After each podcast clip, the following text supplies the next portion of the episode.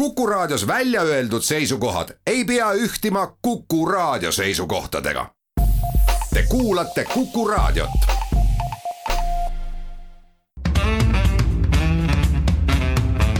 muuli ja Riikoja tere päevast, head kuulajad, kell on kaheksa minutit üksteist läbi, et on reedene päev, siis loomulikult ka saate Muuli ja Riikoja aeg. Ehk Kalle Muuli ja Hindrek Riikoja on stuudios. tere päevast. Londonist elus, elusalt ja tervelt, eriti tervelt, eks ole, tagasi. see on nii ammu juba, et enam ei mäletagi. enam ei mäletagi. räägime tänases saates kindlasti Martin Helme umbusaldamisest, mis eile ootuspäraselt läbi kukkus, aga arutada võiks vast selle üle, et kas siis on põhjust teda umbusaldada või mitte. noh, riigikogu võttis oma seisukoha, aga teiseks räägime siis koroonaviirusest, sellest, et valitsus on asunud jälle piiranguid kehtestama. sellest, et äh, äh, räägitakse isegi maskide kohustuslikuks muutmisest. Mati Alaveri dopingusaaga on sellel nädalal, kui viimaks said avalikuks tema üle peetud kohtuprotsessi dokumendid osaliselt on taas nii-öelda üles kerkinud ja ega seal midagi ilusat ei ole. noh, ja viimaseks, kui saab, siis veel teistestki salajastest paberitest, nimelt uutest rahapesupaberitest, mis on siis USA rahandusministeeriumi ühest allüksusest lekkinud. muuli ja Riikoja aga enne veel, kui me Martin Helme personaalküsimuse juurde läheme, mina tahaks Kalle sinu käest hoopis küsida, et äh, siin Eesti ajalehed kirjutavad täna sellest, kuidas järgmisel nädalal on äh, Põhjamaades välja tulemas üks uus viieosaline dokumentaalsari paralaevast Estonia ja selle hukust ja. minu räägitakse mingisugustest müstilistest äh, kaadritest, uutest filmitud kaadritest, aga mis nende kaadrite sisu on. seda lehed veel kirjutanud ei ole, aga ma tahaks sinu käest küsida, ma olen kuulnud, et sa olla näinud neid. Neid, äh, neid kõnealuseid videokaadreid, et äh, oled näinud, mis seal siis on ja kas, kas on reaalselt midagi uut ilmnemas? Noh, kui sa niiviisi otse-eetris minu käest küsid minu reisimuljeid ja, ja minu filmi vaatamismuljeid, siis ma pean ausalt öeldes äh, tunnistama, et tõesti, ma olen näinud äh, nelja lõiku sellest filmist. Äh, see oli küll üsna ammu, kui ma nägin, ma arvan, et augusti keskpaigas need filmitegijad olid siin. ja, ja kutsusid mind vaatama, arvasid, et ma olen ilmselt hea filmikriitik. aga mis seal oli, ja mida mulle näidati, ma kahjuks ei saa ütelda, sellepärast et äh, ma andsin filmitegijad, see oli nende tingimus. et äh, ma ei tohi seda avalikustada, sel juhul näidatakse. ja, ja andsin selle lubaduse, nad tahtsid küll kirjalikku lepingut, aga, aga kirjalikku lepingut ma keeldusin sõlmimast, aga ma neile suusõnalise lubaduse andsin ja seda lubadust ma pean. küll ma võin sulle ütelda nii palju äh, ja see ei ole nüüd filmikirjeldus, et minu meelest vähemalt nende nelja lõigu puhul, mis mulle näidati. on, oleks küll piisavalt alust ütelda see kuulus lause, et on ilmnenud uued asjaolud ja peaks neid asjaolusid uurima ka, ka ütleme valitsuse tasandil mina ei ole neid lõike näinud ja sina keeldud ka rääkimast nii, nii otse-eetris kui eetriväliselt, mis seal on, aga, aga olen mina kuulnud sellist juttu, et, et ajaga noh, sellest on nüüd ju, eks ole, saab kakskümmend viis aastat. kakskümmend kuus vist isegi. kuus aastat, kus aeg lendab. selle ajaga on laeva asend pisut liikunud merepõhi on pisut muutunud, lained, hoovused, mis kõik veel. ehk äh, paljastunud on nii-öelda laeva need osad, mida varasematel filmimistel näha ei ole. ja seal olla siis kas üks või rohkem auku, millest varem midagi ei teatud, noh selle filmimise põhjal ei saa muidugi öelda, millest nad tekkinud on. aga et see on, see on see, mis on nii-öelda selle filmi, selle uue dokumentaalsarja siis nii-öelda kõige kõige skandaalsem või kõige uuem avastus? ma ütlesin, et ma olen nelja lõiku näinud, mitte tervet filmi. ja eks nad näitasid seda, mida nad näidata tahtsid, on väga võimalik, et nad jätsid ka mingid väga põnevad või, või mingid asjad näitamata. aga ma saan ainult seda lauset ütelda, et minu meelest nähtu põhjal on siiski alust arvata, et, et peaks seda asja uurima. juhul, kui need kaadrid äh, noh, ei olnud võltsitud või, või mingil moel moonutatud. sellepärast, et kui sa ükskord näed neid kaadreid, ega sa ei suuda otsustada, mis seal siis nüüd täpselt oli, aga jah, julgen küll ütelda, et, et kui mina oleks otsustaja siis ma alustaks äh, nende asjade uurimist. aga nägid sa siis äh, mingeid auke, mida varem ei ole nähtud? ma ei saa ütelda sulle filmi sisu kohta päris tõsiselt, sellepärast et muidu ma muutuksin ebausaldusväärseks kõikide järgmiste filmitegijate silmis. selge jah, et kui uuesti Tenetit tehakse, siis sa ei saa. no ma julgen, julgen siiski üsna kindel olla, et, et küllap see jutt nendest aukudest on, on, on, on tõsi, aga, aga seda enam tekib küsimus, et kas siis on meil oodata valitsuselt, et seda uut uurimist nagu algatatakse. Eesti ajakirjandus sai sellest noh, nii-öelda haisu ninna sellel nädalal, kui peaminister Jüri Ratas kohtus äh, noh, paljude jaoks ootamatult oma Soome-Rootsi kolleegidega ja kuigi ametlikult ei ole kinnitatud, et neil kohtumistel räägiti ka sellest Estonia filmist ja Estonia teemadel, siis. siis küllap seda räägiti, samas siiamaani on noh, kõige selgemalt on igasugusele uuele uurimisele olnud valmi vastu Rootsi ametivõimud. Eesti on olnud selline noh, nii ja naa, aga aga mille taha jääb siis see nii-öelda see uue uurimise algatamine, sest et noh, oleme ausad, sellest on küll palju aega möödas, aga väga paljudel inimestel ei ole need haavad siiamaani kinni kasvanud. Nendel ühiskondadel ei ole tegelikult need haavad siiamaani kinni kasvanud ja, ja minu arust on küll ilmselge, et, et riikidel on uuest uurimisest, isegi kui selle käigus selgub, et, et kõik on nii, nagu siiamaani on arvatud. on pigem ikkagi ainult võita, kui, kui midagi kaotada. ja, ja, ja see, kui nii-öelda väga järjekindlalt seistakse uue uurimise vastu, see pigem nii-öelda ainult õhutab neid kuulujutte sellest, et on midagi varjata no ma võin ütelda täiesti siiralt, et nii palju, kui mina olen äh, äh, kursis nende asjadega. Ühelgi mulle teadaoleval Eesti poliitikul ei ole huvi seal midagi varjata, vastupidi, huvi on seda asja uurida ja teada saada, mis seal tegelikult on. aga noh, võib-olla, et ma olen, ma olen kohanud võib-olla ka mõnda merenduseksperti, kes ütleb, et noh ega seal ei ole mõtet uurida, et kõik on selge nii, niikuinii. aga poliitikute seas ma ei ole kohanud sellist inimest, et Eesti poliitikute selge soov on äh, tõde päevavalgele tuua. ma arvan, et võib-olla see tõde ongi juba päevavalgele toodud ka varasemate raportitega, aga kindlasti on ka nende soov see, et kui ilmneb uusi asjaolusid ja ma usun, et esmaspäeval, kui seda filmi näidatakse, nad veenduvad, et ilmneb uusi asjaolusid et, et keegi ei püüa midagi mätsida, päris, päris ausalt ja siiralt. küll on asi see, et on sõlmitud ju aastal tuhat üheksasada üheksakümmend viis hauarahuleping, kus on osalisteks ka Soome ja Rootsi ja see sõlmiti rootslaste eestvedamisel. ja, ja me ei saa minna üksi seal toimetama ehkki võib-olla, et isegi tänapäevastes oludes meil oleks üksi äh, raha ja jõudu. et paratamatult me peame selleks Soome ja Rootsiga kokku leppima, noh lehtedes on ilmunud ka uudiseid sellest, et ilmselt neid kokkuleppeid püütakse sõlmida. ja, ja, ja üksi ei saa seda teha, nii et äh, kui, kui rootslased ja soomlased nõus on, siis saab seda teha.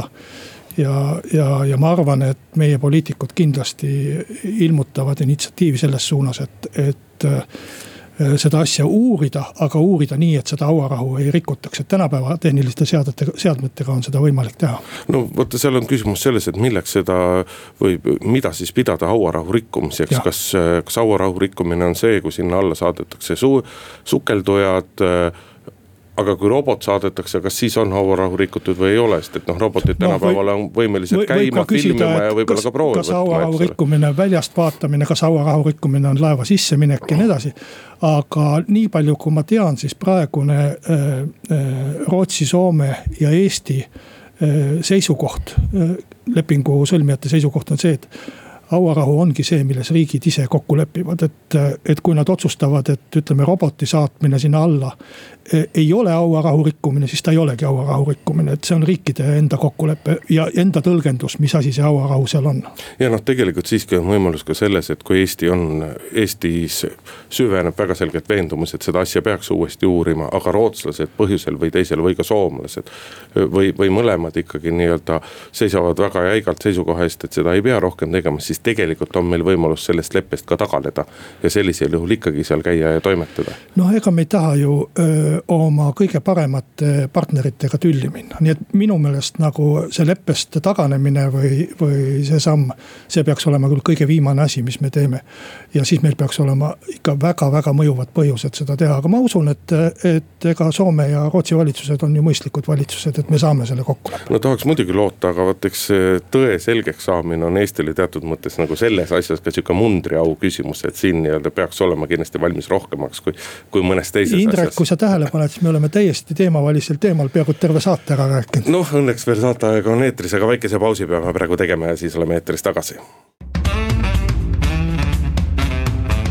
muuli ja Riikoja Läheme saatega edasi, Kalle Muuli, Hindrek Riik jätkuvalt stuudios. Martin Helme on meile ohtralt kõneainet pakkunud sellel nädalal.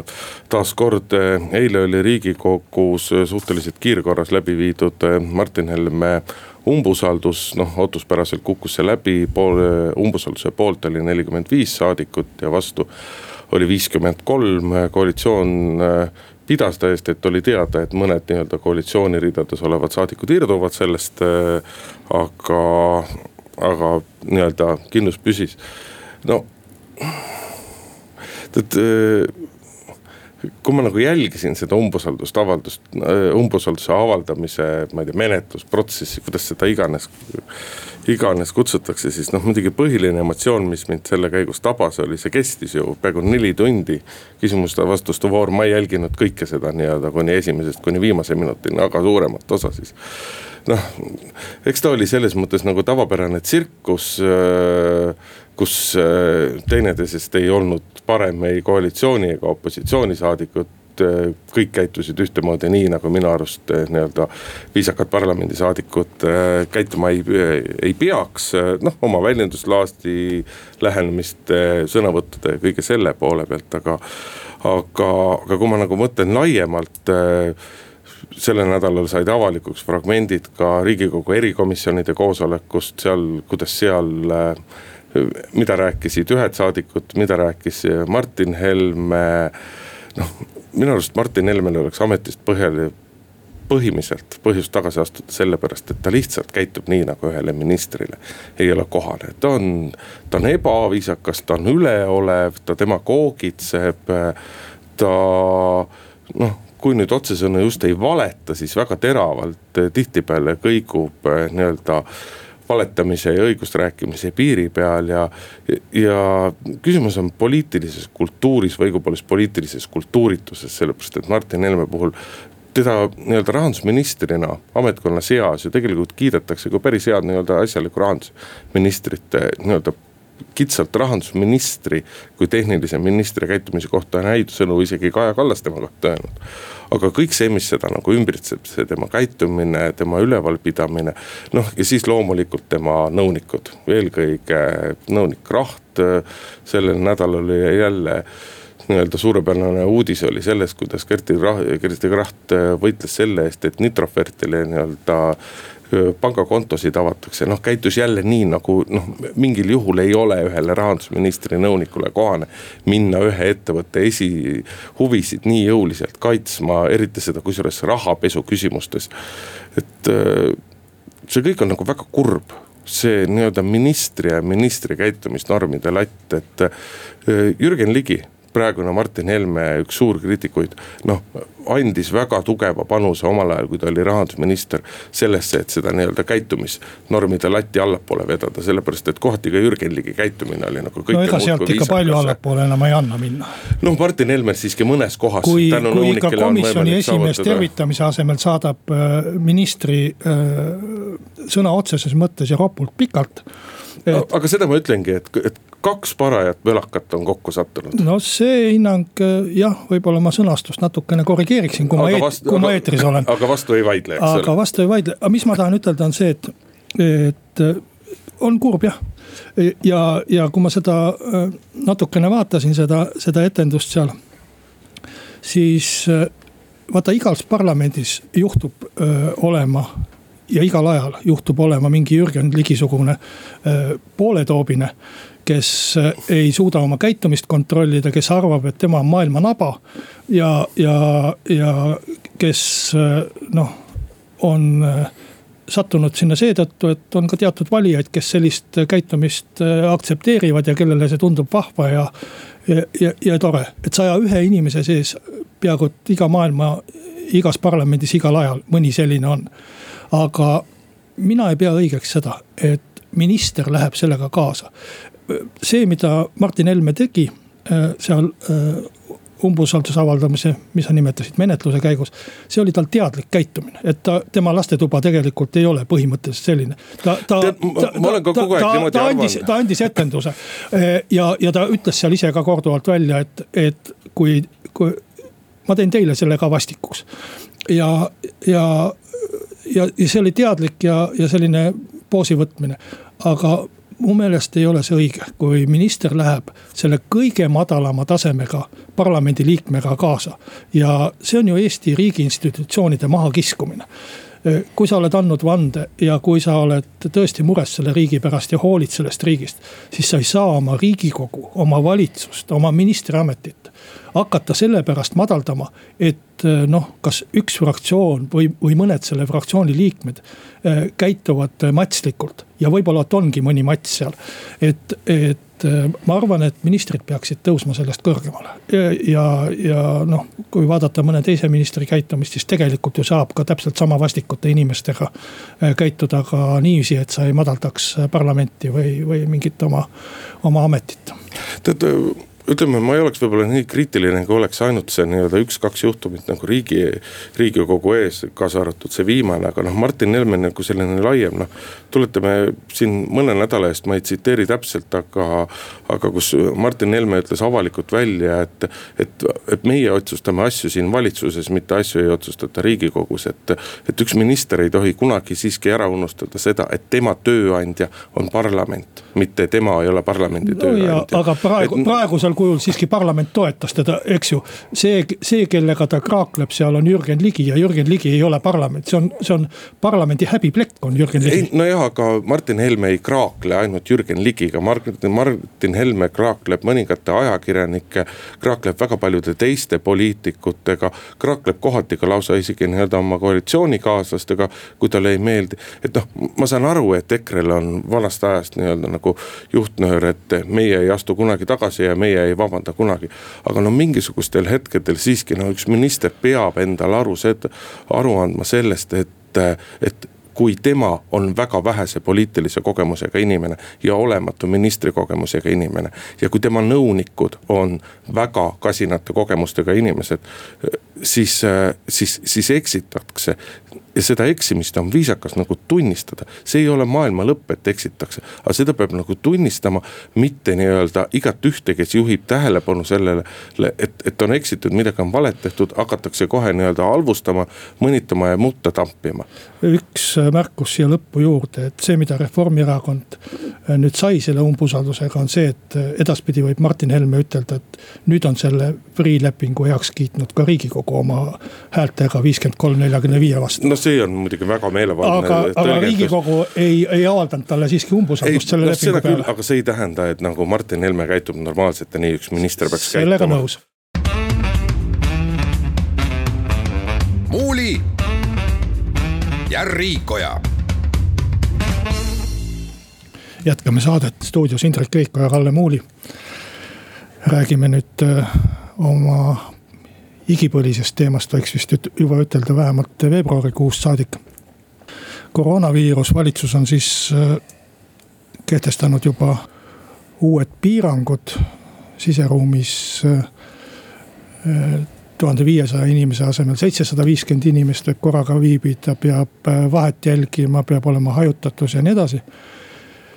ja vähe sellest, sotsiaalminister Äh, Tanel Kiik on siis ütelnud, et me liigume eriolukorra või hädaolukorra suunas. ja valitsus on asunud ka päris tõsiselt äh, kaaluma ja arutama äh, maski kandmise kohustuse kehtestamist, noh ilmselt siis esiotsa piiratud ulatuses kuskil regioonis või, või kus see nakatumine suurem on. ma küsin kohe vahele, sina oled meil ju tõepoolest justiitsministri teenistuses, teil no, peaks vist olema valminud ka mingisugune analüüs, et kas. kas maski kandmise kohustust on võimalus üldse kehtestada? noh, eks sissejuhatuseks peab ütlema ilmselt seda, et kui on kaks juristi, siis on kolm arvamust, aga meie eh, justiitsminister ministeeriumi analüüsi kohaselt on terviseametil see õigus ja võimalus vähemalt juriidilisest aspektist vaadates olemas. eks ole ka teistsuguseid äh, juristide arvamusi olnud, äh, advokaat Jõks esines siin täna hommikul just äh, seisukohaga, et seda saab teha ainult seadusega ja, ja siiski on see kaheldav ja õiguskantsler on ka noh, sellist mitte päris nõusolevat seisukohta avaldanud, ma ei tahaks nüüd teda siin peast, peast tsiteerima hakata. ma saan aru, et see analüüs on vist õiguskantsleri büroos käimas ja kas teisipäevaks siis peaks tulema? jah, aga, aga nüüd sellest, et justiitsministeerium tegi selle juriidilise analüüsi maski kohustuse äh, kehtestamise kohta ei tähenda seda sugugi, et, et kohe hakatakse seda kehtestama, et see on ikkagi selline põhimõtteline arvamuse küsimus. küsit-, küsimus juhuks, kui kunagi on vaja kiiresti seda teha, aga sellest ei maksa järeldada, et nüüd homme tulebki see kohustus. no selle maski kandmise kohustusega, noh kui see kohustus peaks tulema, siis tõenäoliselt tuleb ta kõige esimeses otsas ikkagi nii-öelda siseruume, sise, avalikke siseruume ja ühistransporti puudutavana aga, aga pigem on oodata valitsuse käest, et teha, öeldakse, et nii-öelda on rangelt soovitatav. sest et on väga prakti-, väga lihtne ja praktiline probleem, et äh, kui kehtestada maski kandmise kohustus, siis see paneb lõviosale inimestest äh, peale väga arvestatavad kulud, et siin arstid on noh, ütleme niimoodi tagasihoidlik arvestus ütleb, et, et kui sul on, ütleme seal neljaliikmeline pere igaüks vajab päevas ühte maski, siis selle, see hind võib olla sul seal, eks ole sada, sada kakskümmend eurot kuus pere kohta, mis on väga paljudele peredele väga suur. teised arstid ütlevad, et kui tõepoolest maske kanda nii, nagu neid peab, ehk neid kanda korrektselt kanda korraga mitte väga pikka aega, siis see kulu võib kujundida ka saja euroni ühe inimese kohta. et kui valitsus sellise kohustuse kehtestab, siis valitsus peab pakkuma välja ka mingisugused meetmed ja mingisugused lahendused, kuidas inimesi maskidega varustada ja ega ära ei tohi unustada ka see, et kuigi nii-öelda see, et meil maski üldse ei olnud, on jäänud sihukesesse kevadisse aega, aga arvestades kui massiliselt on nii Euroopas kui Ameerika Ühendriikides praegu nii-öelda maskides kasutatakse. siis kui järjest tuleb selliseid kohustusi, siis see võib tekkida uued äh, tekitada uued tarneraskused, aga kindlasti tekitab selline kohustus uue hinnatõusu laine. no hind on üks ja oluline aspekt muidugi. teine küsimus on see, et äh, kui palju sellest ikkagi kasu on. et äh, kui sa selge see, et mask piirab viiruse levikut ja seda on paljud teadlased ja meditsiini asjatundjad ütelnud. aga, aga kui palju sellisest kohustusest kasu on, tahtsin ma ütelda. sest kui sa vaatad neid nakatumiskoldeid neil on ju toredad nimed, Jõhvi kelder ja Estonia kaevandus ja. ja vahepeal oli mökubaar ja, ja, ja mingid sellised asjad. siis need kolded on ju ikkagi pidu, baar, siis on perekond ja siis on ka mõned töökohad või õppekohad. et no ma ei kujuta ette küll, et onu sünnipäeval keegi hakkab maski kandma või et, et seal mökubaaris saaks äh, seda alkoholi tarvitada niiviisi, et sul mask ees on. et, et, et need kohad, kuhu tegelikult maski kohustusi tahetakse tavaliselt panna pood näiteks. et see on inimesele hädatarvilik käimise koht, seal ta ei käi nälja, nalja pärast, vaid nälja pärast. aga kas me oleme kuulnud, et meil oleks nagu mingid poekolded, et poodides toimuks tohutu nakatumine, ütleme. meil ei ole ju Selveri kollet ega Maxima kollet, ma vabandan nende poepidajate ees, et ma nende. aus oleks nüüd kõikide teiste kaubanduskettide nimed ka ära. võib-olla külvan nagu, nagu äh, noh, mingit halba märki sinna kaubamärgi juurde, aga. ei no seda küll, aga vaata, me ei saa välistada, et need kolded võivad ka sellisena tekkida. selge see, saa... et toimub mingi nakatumine poes ka aeg-ajalt, aga, aga see ei ole nagu põhiline, et põhiline ikkagi nagu äh, Irja Lutsar, meie teadusnõukogu juht on öelnud, on, on pidude haigus. Äh, mul oli võimalus äh, jälgida no vot, ma just tahtsin küsida, et sul, et kuna sulle, Kalle, nagu meeldib endast väga rääkida siin saates, et. sa oled Londonis värskelt käinud, kus kohas eh, on maski kandmise kohustus, et kuidas siis on? et noh, kas on kõigil maskid, et kas sina panid poodi, poodi minnes maski ette või? ma olen seda maski kandmise kohustust jälginud isegi kahes välisriigis. augustis vaatasin Leedus kellel, kus ka oli vist mitte otseselt kohustus, aga tungiv soovitus siis poes ja, ja, ja sellises äh, siseruumis kanda, nad kandsid ka bensiinijaama sisenedes näiteks. noh, seal Leedus ma nägin ja, ka noh, vaevalt võib-olla viis protsenti inimestest seda kohustust järgis. nüüd ma sain äh, Suurbritannias üks peaaegu nädal aega jälgida seda. Äh, Suurbritannias on siis kohustuslik kanda ühistranspordis ja, ja poes. ja sind ei lasta poodi sisse, kui sa ei pane maski ette. aga seal on ka täiesti selgelt ilma sellist põhjalikku vaatlust tegemata lihtsalt ise poodides käies äh, on näha päris mitu asja, mis kohe tekib, vähemalt seal on tekkinud. üks on see, et kantakse täiesti suvalisi maske.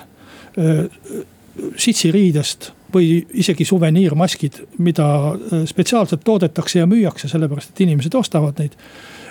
mis ilmselgelt, isegi minu silma järgi võin ütelda, et, et mingi sitsilapp näo ees, noh võib-olla ta mingisuguse süljepiisa hoiab ära, aga kiirust ta kindlasti kinni ei pea. et üks asi on see, et formaalselt on sul kohustus täidetud. mingi sõba on sul näo ees ja keegi ei saa kobiseda, et sul ei ole maski ja keegi ei saa ka kontrollida, et see mask midagi peab, sest ei saa ju inimeselt maski eest ära võtta, et lähme laborisse nüüd kontrollima. teine asi, mida tehakse ja mis on ka äh, äh, mu meelest väga kurjast, on see, et äh, ühekordseid maske kasutatakse korduvalt. viie päeva jooksul ma ei näinud ühtegi inimest, kes oleks poe ukse taga võtnud ühekordse maski sellest äh, kilekotist või, või, või äh, plastiku seest. nii nagu ta uue maski võtab kõik otsisid kuskilt taskust vana kortsunud maski. kui sa ostad endale viiekümnese paki, siis nad on seal pakis kõik, ei ole eraldiseisvad no, kile sees. see ei ole iseenesest aga näitav. otsiti taskust mingi mm. kortsunud äh, mask, siluti see käega sirgeks ja pandi näo ette ja tuldi poest välja, siis pandi ta uuesti tasku tagasi. ma kahtlustan, et seal kanti vähemalt päev otsa seda ühte maski taskus ja näo ees vaheldumisi. et no rääkimata siis väiksematest asjadest seal, et kuidas seda maski kantakse, kas nina sees või nina väljas või lõua otsas või küünarnuki küljes. et tegelikult selle kohustusega kaasneb ka kindlasti, kindlasti selliseid ebameeldivaid nähtusi, nii et äh, minu isiklik sisetunne on, et kui seda kasutada, siis kasutada seda ikkagi mingites piira, piiratud äh, kohtades, kas regiooniti või, või, või mingit sellist asja, et. üle-eestilist äh, kohustust ajal, kui meil Valgas on üks nakatumine, Hiiumaal mitte ühtegi aga, aga kuskil siis rohkem. et ma seda, ma arvan, et see ei anna häid tulemusi, et kõik need maskid vedelevad maas. Tuul ajab neid mööda linna ringi, siis noh, igaüks loobib sinna, kuhu ta tahab, võib-olla London on on selline linn ja Tallinnas ei juhtu sellist asja, aga ma ei tea. no ma julgen jah ikkagi ennustada, et küllap tuleb see, see tungiv soovitus siseruumides kandmiseks, aga seal kindlasti ei saa lahenduseks olla ka see, et.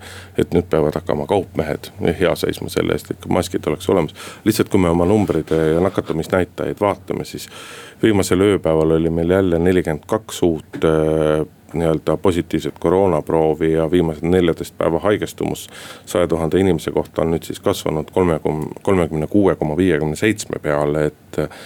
et, ta on viimased nädalaid järjepanu kasvanud, et küllap ta mõnda aega veel kasvab, aga ehk tuleb kuskilt nii-öelda sihuke, annab tagasi, noh tahaks hirmsasti loota.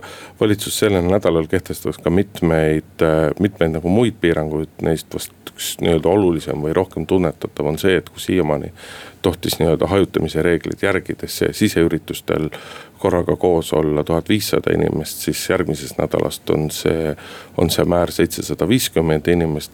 mis suuremale osale ka kultuuriüritustele tegelikult nii-öelda ei ole ei ole surmahoobik kindlasti, et selles mõttes saab nii teatrite, kontsertide kui ka kinode tegevus jätkata ja hakkab siis kehtima ka üle-eestiline alkoholimüügi piirang, ehk pärast südaööd ei tohi enam müüa, minu jaoks on muidugi segaseks jäänud see, et kas, et kas see on siis võimalik, et nii-öelda üksteist viiskümmend ostad endale terve laua looka, õllepudelid lahti ei nööbi, aga võid seal rahulikult nii-öelda. napsu jätkub vähemasti kolme-neljani tiksumiseks või tähendab see siis seda, et ikkagi kella kahest, kaheteistkümnest peaksid ka kõrtsid. ma, ma arvan, et see on panema. ikkagi müügi, müügipiirang äh,, see tähendab mitte seda, et sa ei võiks oma viimast lonksu kaksteist null üks ära võtta, vaid pead selle jätma sinna laua peale. Et eks seda vaadatakse ikka siis kassatšeki järgi, mis kell on müüdud. Et see on ainuke kontrollimise võimalus, aga noh, ma arvan, et kõige suuremad piirangud ja kõige halvemad piirangud on need ikkagi, mida on kehtestanud teiste riikide valitsused meie, meie reisipiir, reisimisvõimaluste vastu, Soome on ikkagi väga tugevalt äh, ahendanud võimalust kahe riigi vahel liikuda. on seal põhiliselt tööränne jäänud no, või, või jäämas. tööränne ongi jäämas ja, jah, et turismile. ja, ja Läti poole on ka pahasti, nii et tegelikult üleskutse oleks Eesti inimestele, et. et isegi kui Eesti valitsus ei kehtesta erilisi piiranguid ja ei, ei püüab võimalikult liberaalne ja vaba hoida oma majanduse kui me ei hoia oma tervist ja kui me nakatame üksteist ja, ja ei istu niiviisi, nagu me Indrekuga siin istume, vähemalt poolteist meetrit vahet. et siis meid pannakse lukku väljastpoolt ja meie, meie majanduskahjud ja meie elujärg kannatab täpselt samamoodi, kui, kui me ise kehtestaksime endale piirangud. no eks praegu on selgusetu muidugi veel see, et kas Euroopa Liidu tasandilt tuleb nii-öelda nagu mingisugune ühine just nimelt selle nakatumismäära hästi, osas piirang et eh, no läbirääkimised selle jaoks käivad, aga küsimus on jah, et on see kakskümmend viis või on see viiskümmend, aga nagu öeldud, meil on ta tänasel hetkel siis juba peaaegu kolmkümmend seitse. muuli ja Riikoja selle nädala alguses said osaliselt avalikuks äh, Mati Alaveri kohtuprotsessi äh, toimikud. mäletatavasti siis mõisteti ta kohtus süüdi dopingu tarvitamisele kallutamises ja.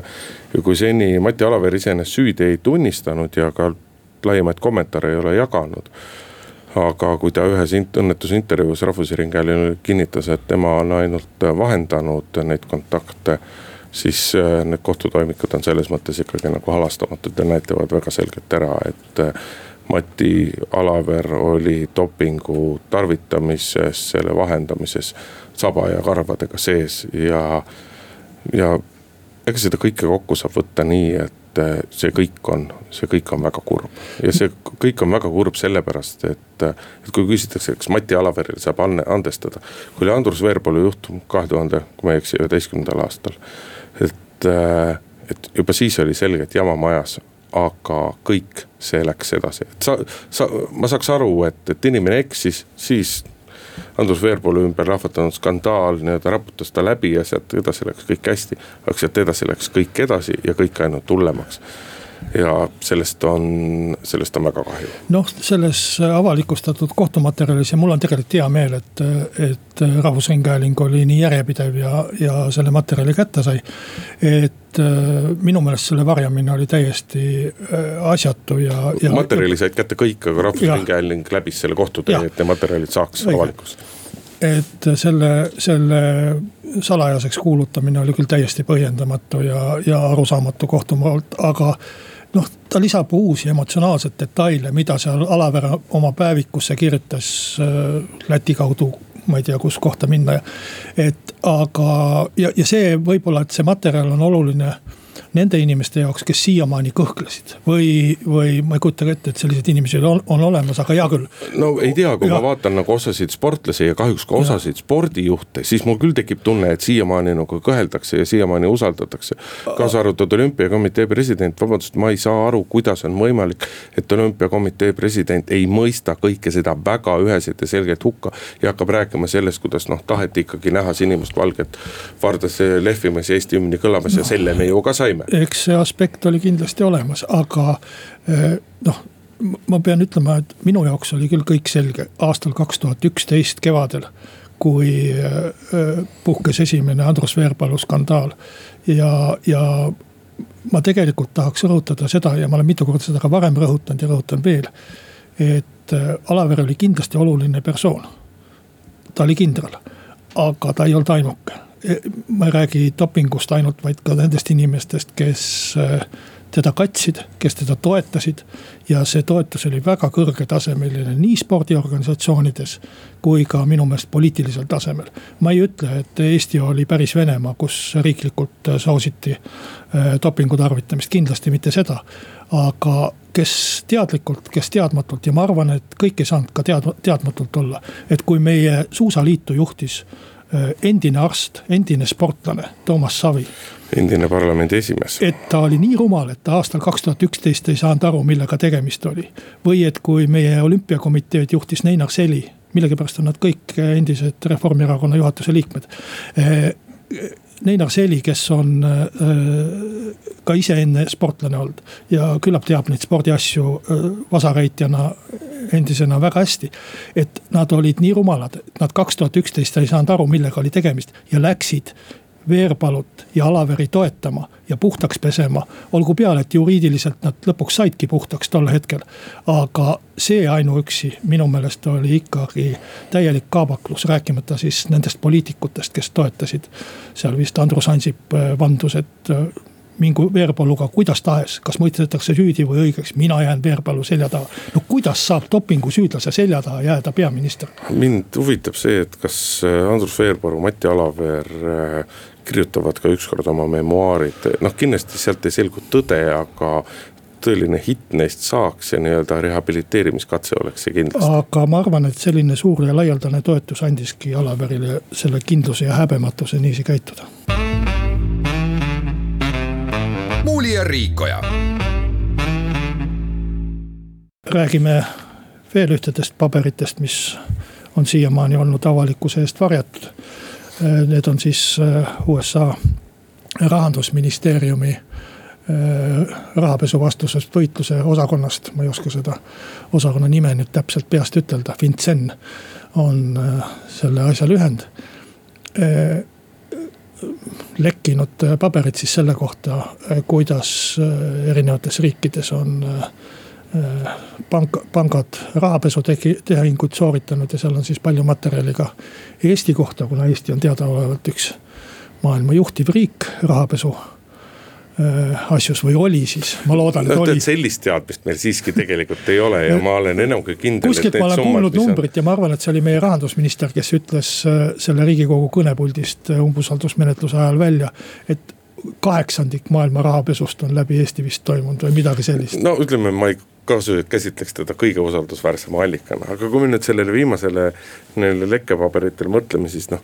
mida me sellest teada saame, et ega me ei saa ju tegelikult midagi selles mõttes Eesti, keskmisele Eesti inimesele olulist teada, et me saame sealt portsu uusi nimesid. ettevõtteid, isikuid ja nii edasi.